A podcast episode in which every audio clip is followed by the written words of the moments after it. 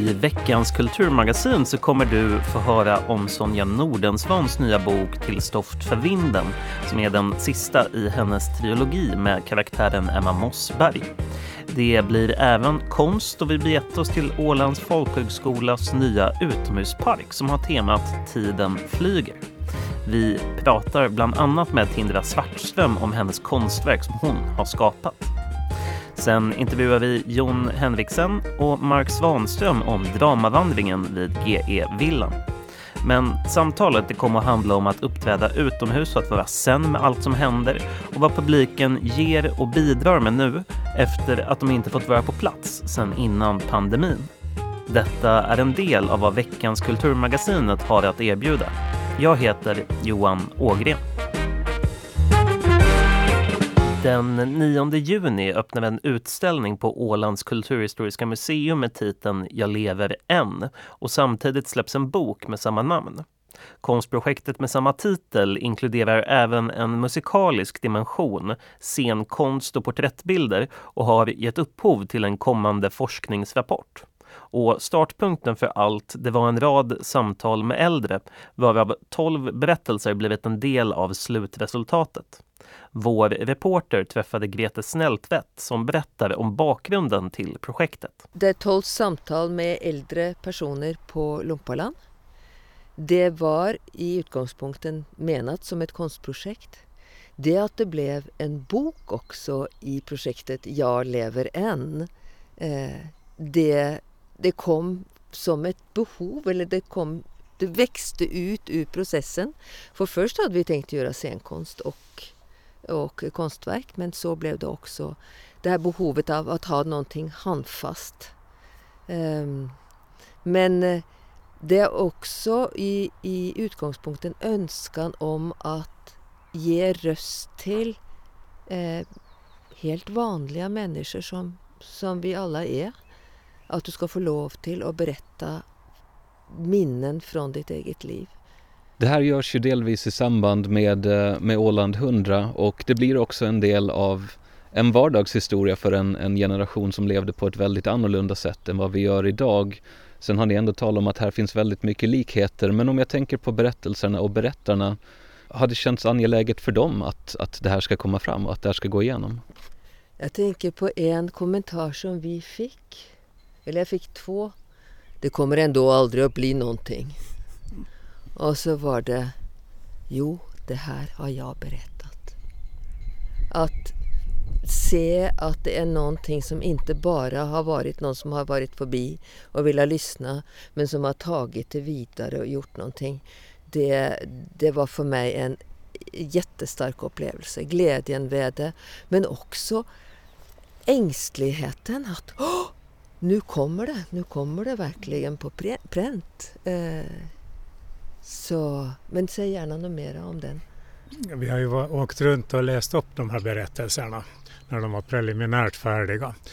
Och då märkte man ju vilket engagemang det fanns i, i berättelsen när vi läste det högt för dem och de kunde korrigera vissa detaljer och man märkte förväntningar och uppskattning väldigt tydligt. Sist här hörde du Leo Lötman som intervjuades ihop med Grete Snältvedt av vår reporter Felix Kvarnström om konstprojektet Jag lever än. Det kommer bjudas på skådespel av klassiska mått i den finländska skärgården i sommar. Skärgårdsteatern kommer att ge sig ut på en turné med Shakespeares trettondagsafton under juli månad.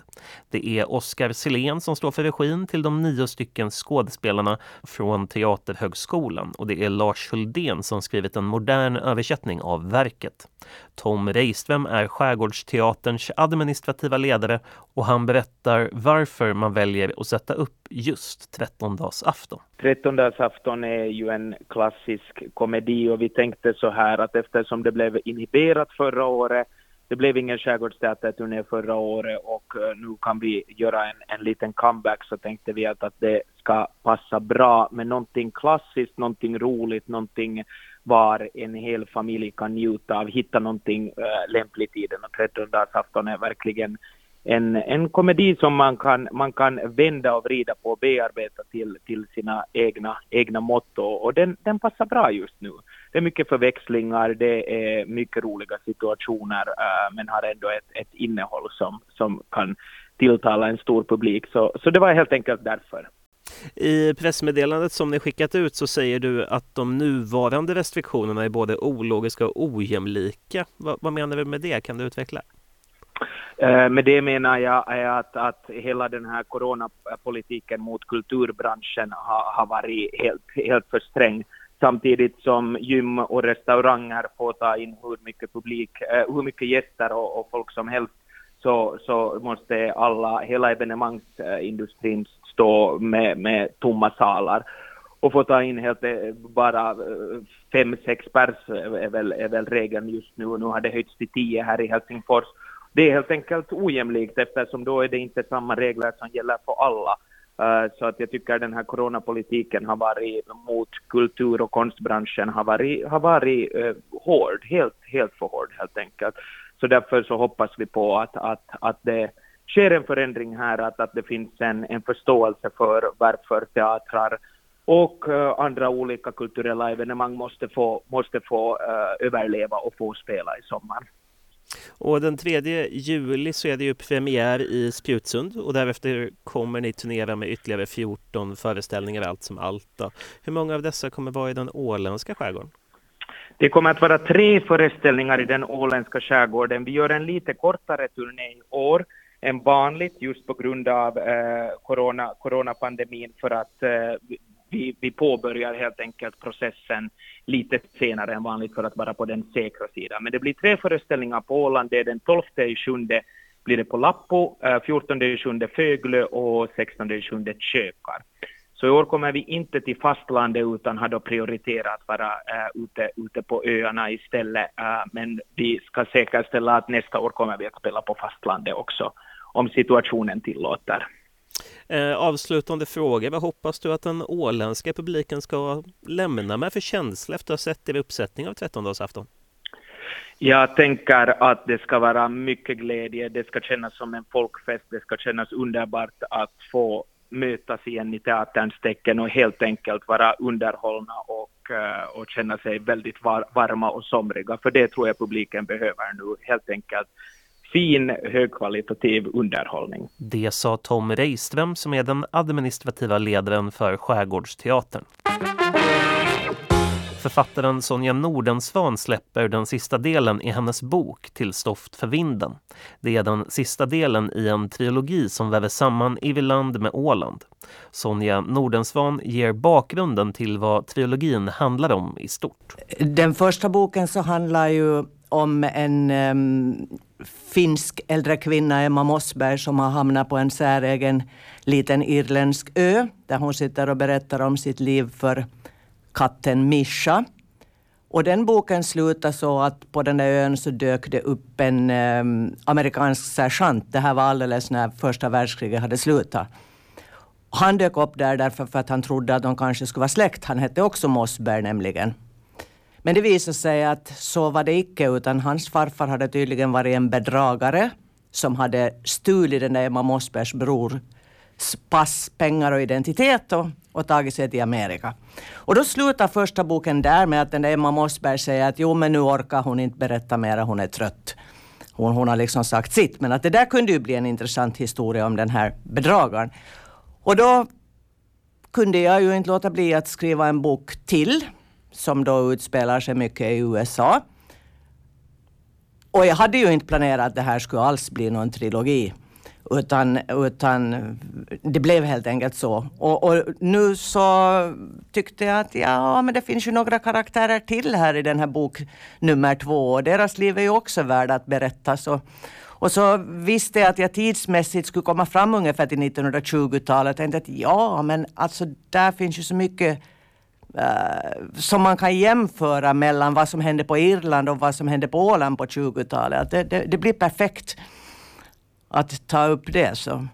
Är det någonting som händer dig ofta när du skriver att, att karaktärerna och, och historien tar liksom till sig ett eget liv eller vad man ska säga? Uh, ja, i den första boken, den allra första boken jag skrev så var det faktiskt så. Uh, annars vet jag väl inte och jag sa alltid tidigare att jag kommer aldrig att skriva några liksom flera böcker, vet du, någon serie. För att jag tänkte att det blir ju tråkigt. Jag, jag vill göra nya saker. Men, men den här gången så blev jag faktiskt så fast i den här släkternas historia att jag inte kunde låta bli. Precis. Eh, men om vi hoppar till den, den, senaste boken då, Till stoft för vinden. Eh, du har väl redan eh, sagt här att den tar vid på, på 20-talet. Så utan att, att nu avslöja allt för mycket, berätta lite vad den handlar om. Både bok nummer två, Frihetens pris, och den här nu då, Till stoft för vinden, de tar egentligen vid vid samma tidpunkt när den första boken slutar. Bara det att Frihetens pris, den för oss bakåt i tiden medan den här då för oss framåt i tiden. Och då hittar jag på, för att kunna föra handlingen till Åland, så hittar jag på att en av de här mossbergarna, uh, han flyttade till Åland från Finland därför att han kom på kant med sin far och han ville, han ville grunda en, ett eget, en egen affärsrörelse. Och då tyckte han att den här då relativt nygrundade staden Mariehamn, det, det skulle vara ett perfekt ställe att starta en business på.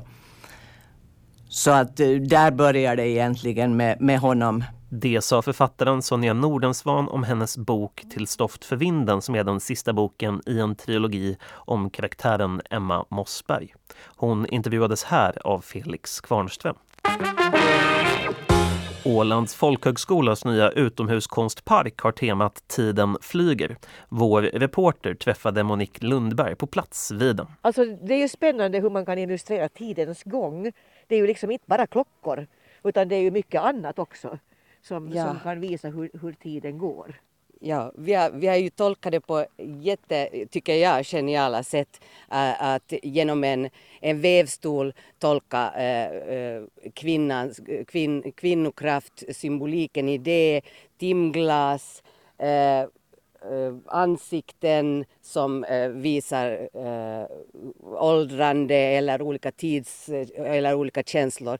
Det, det har varit ett väldigt brett och ett bra och inspirerande tema mm. att utgå från. Det kan jag tänka mig. Ja. Uh, och, och, här har vi då uh, nu får hon presentera sig alldeles själv. Nej, jag kan säga Tindra Svartström för det står lämpligt nog här på, på den här skylten. Och, och uh, ditt verk heter Memento Mori.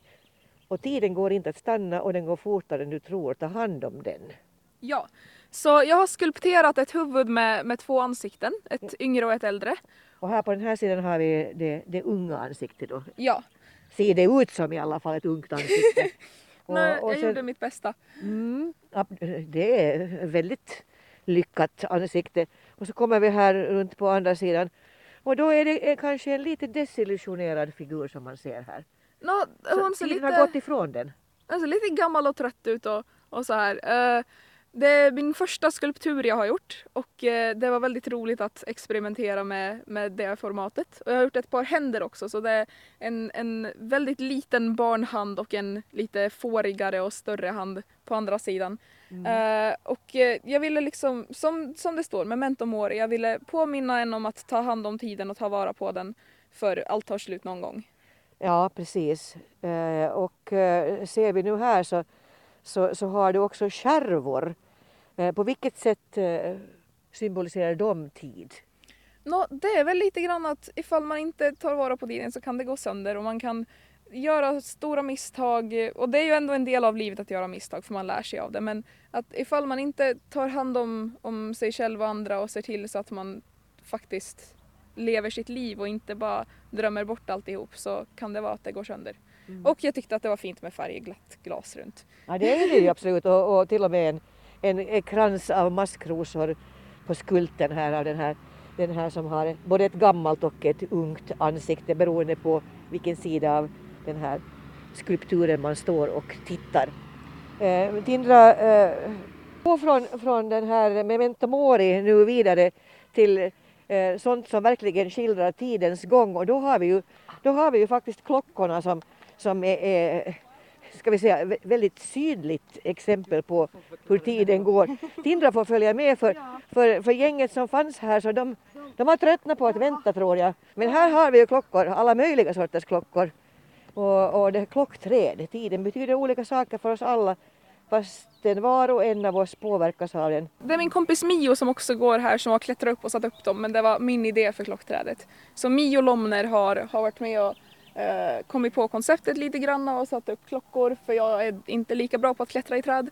Och eh, det, det, har varit väldigt roligt att jobba med honom. Och sen har alla på nya linjen hjälpt till att sätta i krokar i klockorna som går att hänga upp och att donera klockor. Sist här hörde vi Tindra Svartström som alltså är en del av Ålands folkhögskolas nya utomhuspark med temat Tiden flyger. Hon intervjuades av Ann-Kristin Karlsson. En dramatisering i tre akter som tar sin början i augusti 1925 och utspelar sig över en och samma dag. Det är vad publiken har att vänta när de följer med på dramavandringen vid GE-villan från trädgården via trappen för att sist hamna vid Teatergårdens scen. Det är Arn-Henrik Blomqvist som skrivit manus. Det är även han som regisserar Jon Henriksen, Mark Svanström och Johanna af Schultén som är skådespelarna i detta framförande. Jag träffade Jon Henriksen och Mark Svanström vid Teatergårdens scen under ett plasttak för en intervju om betydelsen av att få tillbaka publiken efter corona, om vad regissören Arn-Henrik Blomqvist gör bra i sin roll och vad det är som Dramavandringen går ut på. Dramavandringen är väl ett initiativ som ingår i eh, Åland 100 mm. och det är alltså Teater Nord som producerar och gör den här föreställningen då tillsammans med ja, Mariehamns stad och landskapet tror jag.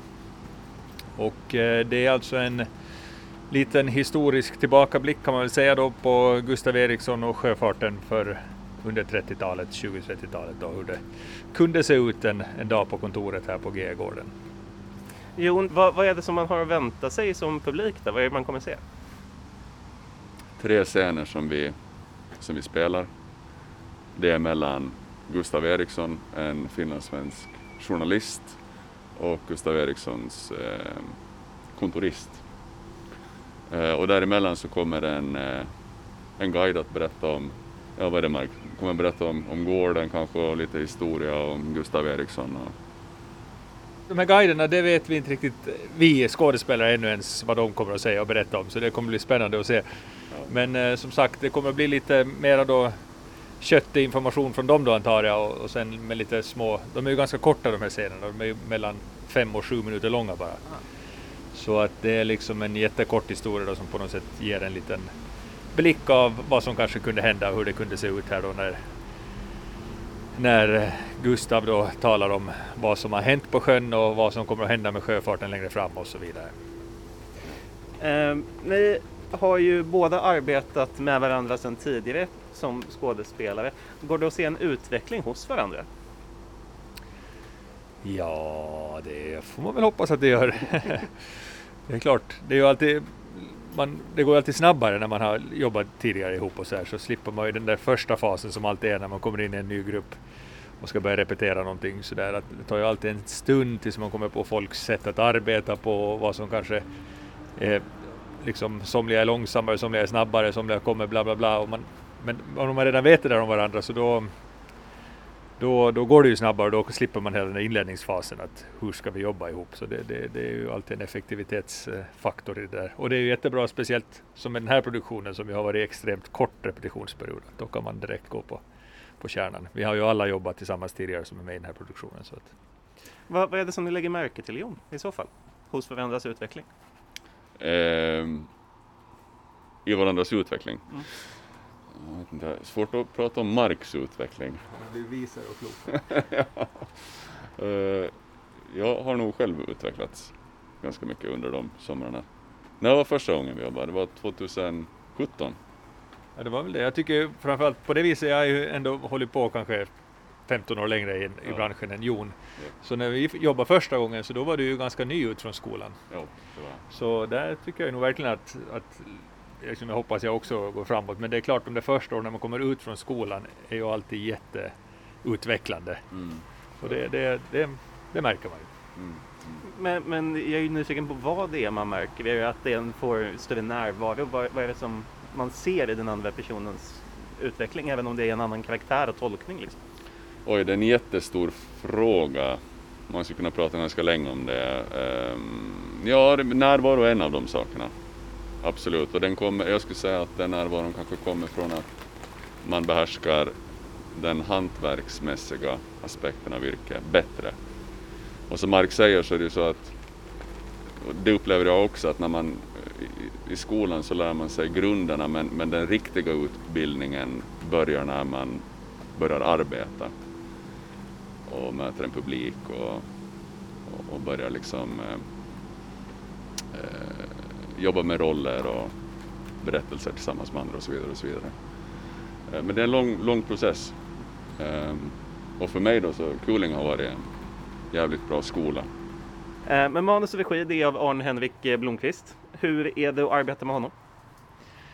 Hemskt. det är en mardröm. Nej då, det har gått. Det, vi har jobbat många gånger förut också han har ju varit med här på Teatergården också tidigare och regisserat här ute i fjol. Så att det är ju lite minst sagt speciella förutsättningar här. Du hör trafiken, det kommer folk in på gården, det kommer fåglar, det regnar, det är, det är sol, det är vind. Så att man får ju liksom vara beredd på det där och vara lite ett sen i sinnet och bara ta det med ro och så här. Och det, det, så, det, så det har gått väldigt bra. Eh, Mark, du har ju också varit regissör en del. Vad, vad är det som du kan eh, försöka härma från Arne Henrik om han nu är en så hemsk regissör som ni lägger fram det? Nej då. Eh, jo, nej men han har ju ohyggligt mycket erfarenhet och, och, har ju gjort massor med produktioner över hela Norden och, och här på Åland och, och and, liksom, nordiska städer och sådär. Så att det finns ju mycket att lära där, absolut. Något konkret? Något konkret, vad skulle det vara? Kom i tid. nej, men, eh, nej men han är ju jättenoggrann, är ju alltid liksom. Och, och, och eh, noggrann med, med både text och med, med liksom uttryck och, och också tycker jag att nu är det här en så liten teater och så liten grupp och så här, men också när han berättar på andra teatrar med honom, att han vågar ju verkligen liksom kräva sina, det som han vill ha på en teater av teknik och material och så här. Att, att, liksom att man, man kan ju inte vara alltför hövlig, speciellt i regissörsrollen, utan om man har en bild och hur man vill ha det så måste man ju utgå från att alla på en teater är där för att arbeta för att det ska bli så. Och då ska man också kräva det av dem. Och det där kommer jag ihåg att jag någon gång reagerade med honom, att jag tyckte att han var liksom, jag tänker ganska hård med tekniken och så, men på ett eh, schysst sätt och som det ju genast så som det ska vara. Så det är nog en sån här sak som jag har tagit till mig av honom genom åren, kommer jag ihåg. Eh, Jon, du har arbetat en del med radioteater och då så tänker jag att det är en annan form av skådespeleri. Mm. Det blir ju inte att du kanske får dina repliker från motspelarna som du ska få dem från eh, och du får kanske inte ljudeffekterna heller direkt mm. när du ska få dem. Va, vad är det som du har lärt dig från det som du kan plocka med dig till teaterscenen? Mm. Ja, det är väl lite det där samma som med film och tv och sådär att det är, det är ju samma, samma hantverk men, men man eh, eh, använder det på ett lite annat sätt. När man är på en scen så måste man ju nå ut till alla som sitter och tittar. Och det fordrar att man, är, att man spelar lite större än vad man till exempel gör om man gör radioteater när man har mikrofonen alldeles intill ansiktet. Skulle jag spela som jag gör på en scen då så blir det att låta ganska löjligt. Och även framför kameran så blir man och funderar på att vänta vad, vad håller han på med? Det finns inga, inga människor som, som liksom är på det där sättet. Um, men annars är det ju samma, samma jobb. Men är säga. man mer intim då när det är radioteater? Man är mer intim. Mm, ja, när det kommer till uttryck och volym och så vidare. Uh, man är intim på scenen också för att man sitter där med publiken och man upplever det som sker här och nu. Man upplever det som, det som sker här och nu. Uh, så det, det, är intimt på ett annat sätt men vad gäller volym och, och så vidare så blir det ju en annan, annan femma. Och Mark, du har ju gjort eh, Hittehatt, en eh, dockteater. Eh, vad var det som lockade dig till det? Pengarna. det, det, är så enkelt. Nej, Nej men det var ju en jätterolig, sån den, den, den höll vi ju på med i nästan tio år, en sån en serie som gick då för, för Barnkanalen där i, i Yle. Och, um, det var ju någonting nytt att lära sig verkligen, att liksom vara dockförare då. Mm. Och vi gick ju en hel del kurser för det där och liksom tränade en hel del på det. Och man ser ju också en jätte, om man tittar, tittade då på de här första säsongen, säsongerna så ser man ju en jätteutveckling för det var ju fyra huvudkaraktärer då som var med hela vägen. att vi blev ju nog alla väldigt, väldigt mycket bättre liksom mot slutet av det där sen då. Så det var nog en jätterolig period. Mm. Det var det verkligen. Eh, behöver ni känna något starkt eller stort för ett projekt för att ni ska liksom delta i det? Ja, nu, nu är det ju förstås som det väl är med alla yrken att vissa projekt gör man mera för, för att få levebröd och andra liksom ligger närmare hjärtat än och sådär. Att jag menar, jag har ju nog gjort allt från reklam till, till liksom verkligt många egna projekt. Men med det sagt så är nog ändå klappar jag mig lite på axeln själv att jag har ju verkligen nog drivit mina egna projekt och gjort mina egna, startat mina egna teatrar just för att kunna göra och berätta de historierna som jag vill och tycker om och är intresserad av. Och det är också den här Teatergården ett exempel på då. Att nu i sommar ska vi till exempel göra Norén där. Och det är ju en dramatiker som jag väldigt länge har velat spela om. Och eh, om man inte blir erbjuden roller i någon Norén-pjäs så då får man liksom ta tag i det själv och sätta upp en Norén-pjäs. Och jo? Nej men så är det, jag instämmer med det Mark säger. Men eh, sen finns det också ett egenvärde i att bara göra saker och hålla sig varm. Och jag brukar alltid försöka eh, se vad jag, kan, vad jag kan lära mig och vad jag kan utveckla eh, i, i alla projekt som jag är med i. Och om det finns, om jag stöter på någonting där, det inte, där jag liksom inte kan svara på den frågan, då kanske jag funderar på att hmm, hmm. Men det finns det nästan alltid. Så, ja. Och sen är vi ju frilansare så att det är bra jobb helt enkelt. Är man orolig att bli typecastad? Nej, jag kan inte säga att jag faktiskt har blivit eller varit speciellt orolig över det. det är kanske någonting som är mer aktuellt om man gör mycket film och TV skulle jag säga. Eller dockteater? ja, uppenbarligen har jag inte blivit så typecastad som det för det har, det har nog inte kommit något mer erbjudande efter att Hittehatt tog slut. Så att den, den fällan har jag grävt mig ur, i varje fall när det gäller dockteater. Det börjar ju ta fart med publik också, väldigt mycket. Uh, upplever jag det som. Det, vad, vad är det som publiken ger er när ni är på scen och framför? Du menar nu med coronarestriktioner? Ja, det, det har ju varit en period nu med tanke på pandemin där det inte varit möjlighet att framföra. Ja, det har ju varit helt dött. Det har det ju varit så att det ska ju bli jätteroligt nog att stå framför en publik igen. Det var väl nästan ett år sedan man gjorde det sist alltså så att det, det, det blir ju nog spännande och roligt på alla sätt. Ja. Verkligen, både för de på scenen och de som tittar får man hoppas. Är, är man nervös? Nej, inte speciellt tycker jag inte. Det brukar jag nog inte vara. Men det är klart, nu, nu är det ju alltid lite pirrigt när det kör igång. En viss anspänning som det ju brukar heta ska väl alltid finnas där om det ska bli bra. Mm. Vad, vad, tycker du att publiken ger dig när du uppträder och agerar? Ja, publiken betyder ju allt. Det är ju för dem som, som, som gör det här. Sen är det ofta det är olika publik varje kväll och det tenderar att påverka föreställningen också teater är nuets konstform så, så, så ja, publiken är allt. Sist här så hörde vi Jon Henriksen som tillsammans med Mark Svanström agerar under dramavandringen vid GE-villan som går att se under måndag, tisdag och onsdag. Det finns ett begränsat antal platser så det krävs att man anmäler sitt intresse på förhand. Sist här i programmet vill jag även nämna Ålands Radios sommarprat som drar igång den 28 juni och håller på till den 13 augusti. Ur ett kulturperspektiv kan det vara bra att hålla öronen öppna den 9 juli då författaren Karin Erlandsson pratar om hennes vardag som just författare. Den 12 juli är det Värste M. Matteusen som är en skådis från Grönland som berättar om sin familjs historia. Den 22 juli så är det dags för Kenneth Bamberg att sommarprata. Han är en fotokonstnär som kommer hålla ett 40-årstal till sig själv. Sen så ska Kjell Ekström som är konstnär och författare berätta om sina 40 år av hembygdsarbete. Gunilla Wahlsten heter författaren som kommer sommarprata den 29 juli och hennes sommarprat har rubriken Assistent och engagerad medmänniska med hjärtat i två världsdelar. Niklas Nordlund är en mångsysslande naturnära fotograf och han sommarpratar den 30 juli och den 6 augusti kommer man att kunna höra Linus Aldeborg. Han är en ung musikproducent som går under namnet Preegi. Det här var denna veckans kulturmagasin med mig, Johan Ågren.